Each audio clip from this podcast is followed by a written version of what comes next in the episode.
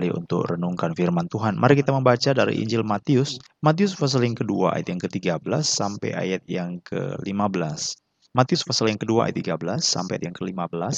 Demikianlah firman Allah. Setelah orang-orang Majus itu berangkat, nampaklah malaikat Tuhan kepada Yusuf dalam mimpi dan berkata, "Bangunlah, ambillah anak itu serta ibunya, larilah ke Mesir dan tinggallah di sana sampai aku berfirman kepadamu, karena Herodes akan mencari anak itu dan membunuh dia." Maka Yusuf pun bangunlah, diambilnya anak itu serta ibunya malam itu juga, lalu menyingkir ke Mesir dan tinggal di sana hingga Herodes mati. Hal itu terjadi supaya genaplah yang difirmankan Tuhan oleh Nabi. Dari Mesir kupanggil anakku. Umat-umat yang Tuhan kasih, pada waktu kita membaca kalimat ini, maka sebenarnya sesuatu perasaan geram, sesuatu perasaan bertanya-tanya, itu adalah perasaan yang bisa muncul dalam hati kita.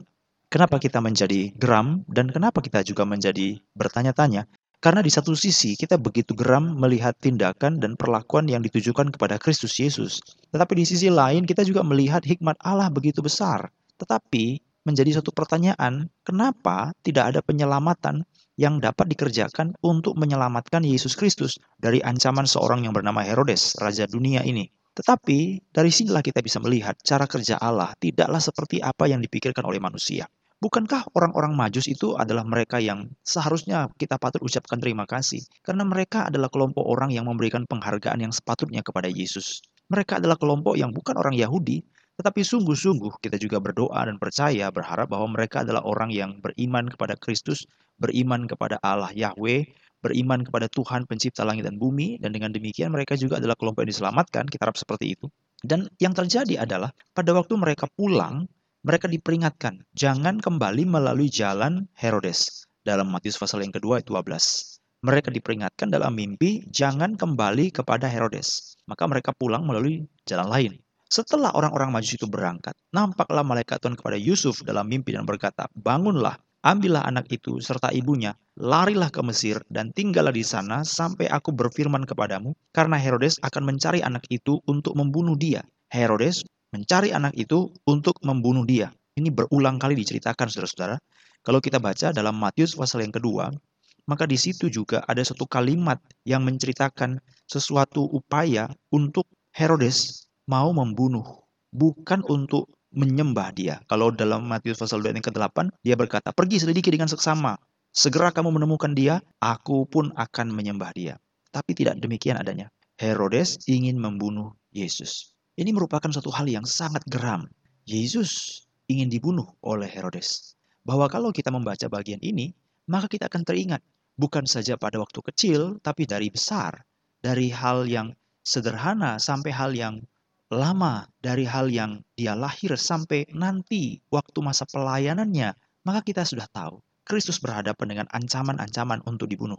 Yesus pun akan dibunuh. Yesus pun memang menghadapi ancaman untuk dibunuh. Itulah sebabnya ada suatu persembahan yang sudah ditunjukkan kepada Yesus, yaitu emas, kemenyan, dan mur. Benda-benda yang diberikan sebagai penghargaan setinggi-tingginya. Ada sebagai benda kemuliaan, tetapi ada sebagai benda untuk penderitaan. Nah demikianlah Kristus kita, bahwa sejak dari kecil, dari lahirnya dia, dia sudah berada dalam penderitaan. Karena pada waktu dia lahir, dia lahir di Bethlehem, dibaringkan dalam palungan, di kandang yang hina. Suatu kehinaan, suatu kerendahan. Dan setelah dia berusia satu tahun lebih, kurang dari dua tahun, maka dia harus dibawa untuk meninggalkan Bethlehem menuju ke Mesir. Karena apa? Karena seorang raja yang bernama Herodes ingin membunuh dia. Nanti kalau kita baca bagian-bagian kitab suci berikutnya, pada waktu Yesus dalam pelayanannya, orang-orang menolak dia. Ada satu kalimat yang sangat besar sekali. Dia berkata, seorang nabi tidak diterima di tempat kelahirannya. Demikianlah Yesus ditolak Demikian Yesus tidak terima. Demikian ya Yesus diolok-olok. Demikianlah Yesus itu di, tidak diterima, dihindari oleh orang-orang yang mengenal dia. Kami mengenal siapa engkau, kami mengenal siapa keluargamu. Ini adalah hal yang terjadi saudara-saudara di mana?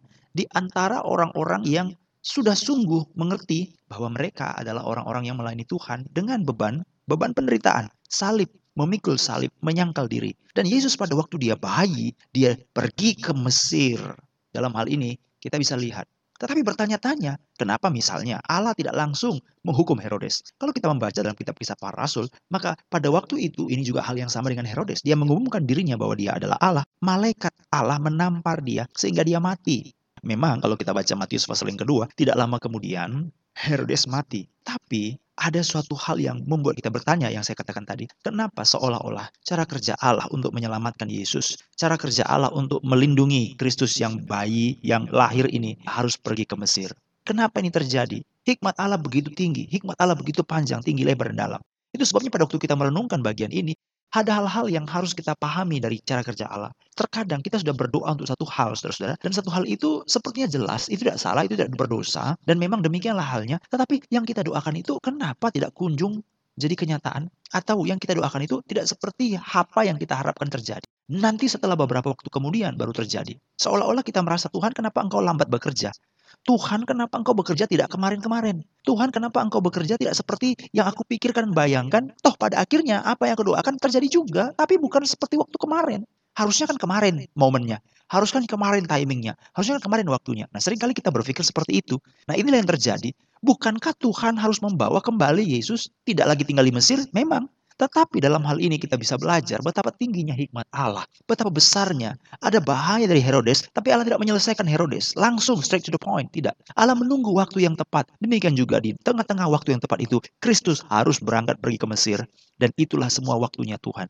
Mari kita berdoa supaya Tuhan memberikan kekuatan kepada kita agar kita peka kepada waktunya Allah. Saya rasa kita semua tahu bahwa Mesir itu adalah tempat perbudakan orang Israel. Secara umum, Mesir itu adalah dunia. Mesir itu adalah satu gambaran kefasikan. Tapi Alkitab menyatakan kenapa Tuhan kita harus pergi ke sana. Justru menjadi suatu pertanyaan besar pada ayat yang ke-13 dan ayat yang ke-15 itu adalah dua ayat yang berkaitan. Di satu sisi Mesir itu adalah tempat atau gambaran dunia ini. Di satu sisi, Mesir itu adalah tempat gambaran daripada keduniawian. Tetapi di sisi lain, ayat 15, dari situlah dipanggil anaknya. Anak siapa ini? Ya anak Allah. Kalau kita berbicara masalah anak Allah, maka kita akan membicarakan anak Allah itu dari dua sudut. Yang pertama adalah Yesus Kristus, anaknya yang tunggal. Tetapi yang kedua, kita disebut sebagai anak-anak Allah juga. Dari mana? Yohanes pasal 1 ayat yang ke-12. Tetapi semua orang yang menerimanya diberinya kuasa supaya menjadi anak-anak Allah, yaitu mereka yang percaya dalam namanya. Menjadi anak-anak Allah. Mungkin pertanyaan ya, kalau anak tunggal kok bisa ada anak yang lain? Kristus adalah anak Allah karena kelahirannya karena dia datang dari Bapa. Sedangkan kita adalah anak-anak karena kita ditebus oleh Yesus Kristus sehingga penebusan Yesus Kristus menjadikan kita anak. Itu sebabnya tanpa Kristus kita tidak bisa menjadi anak Allah. Jadi hanya Kristus adalah anak yang tunggal dan kita ini ya boleh dikatakan seperti imitasi daripada Kristus, fotokopi daripada Kristus. Kristus Kristus kecil, kitalah orangnya.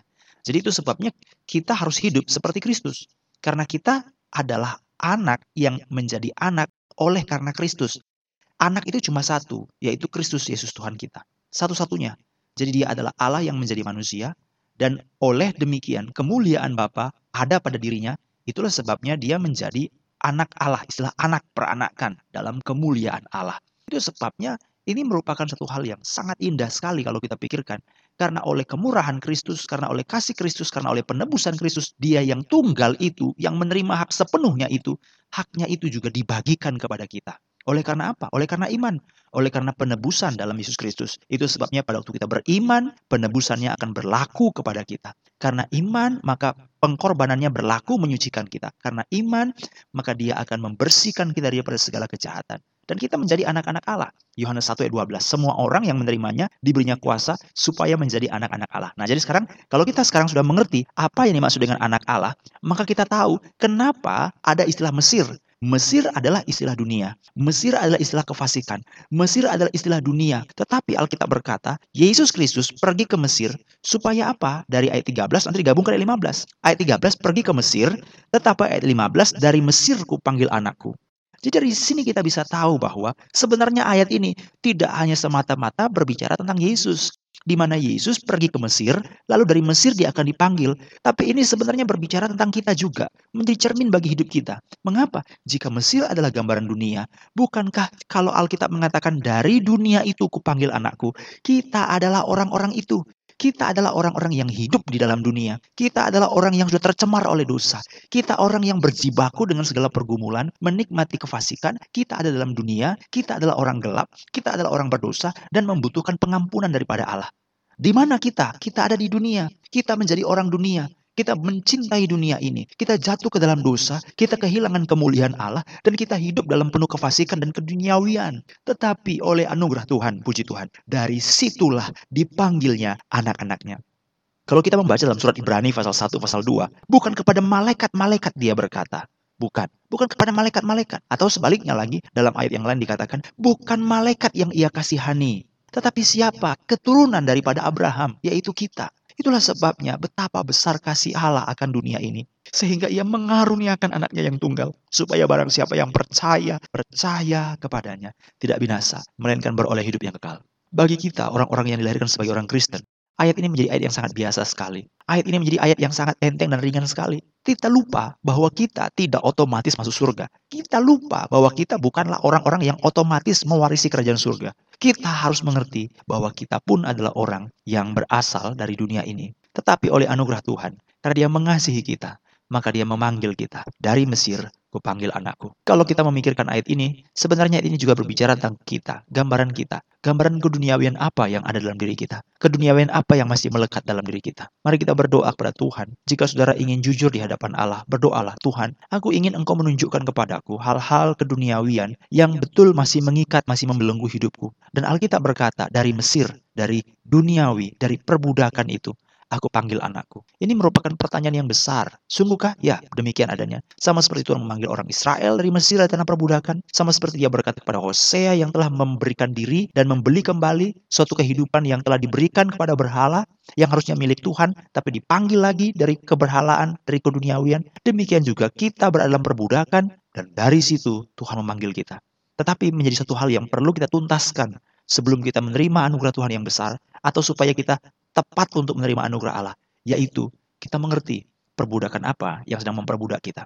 Ada orang diperbudak dengan uang, ada orang diperbudak dengan jabatan, ada orang diperbudak dengan hal-hal yang bersifat pengakuan sosial, social agreement, hal-hal yang berkaitan dengan hal-hal yang berkaitan dengan pengakuan sosial, yang hal-hal yang ingin dicari sebagai sesuatu penerimaan, social acceptance. Ini yang terjadi dalam diri begitu banyak orang. Keserakahan, sesuatu hal kefasikan, kepicikan, sesuatu hal manipulasi, dan begitu banyak hal. Ada perbudakan-perbudakan yang sedang terjadi. Kita sebagai orang yang dilahirkan sebagai orang Kristen memiliki pergumulan yang lebih berat, saudara-saudara. Kenapa pergumulan lebih berat? Karena kita sering kali tidak sadar kita berada dalam perbudakan. Mari sama-sama kita berdoa. Kiranya Tuhan mencelikkan pandangan dan mata kita untuk mengenal akan Kristus.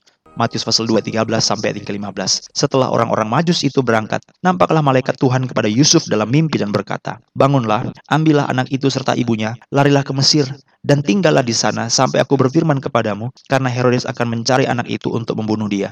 Maka Yusuf pun bangunlah, diambilnya anak itu serta ibunya malam itu juga, lalu menyingkir ke Mesir, dan tinggal di sana hingga Herodes mati. Hal itu terjadi supaya genaplah yang difirmankan Tuhan oleh Nabi dari Mesir, panggil anak.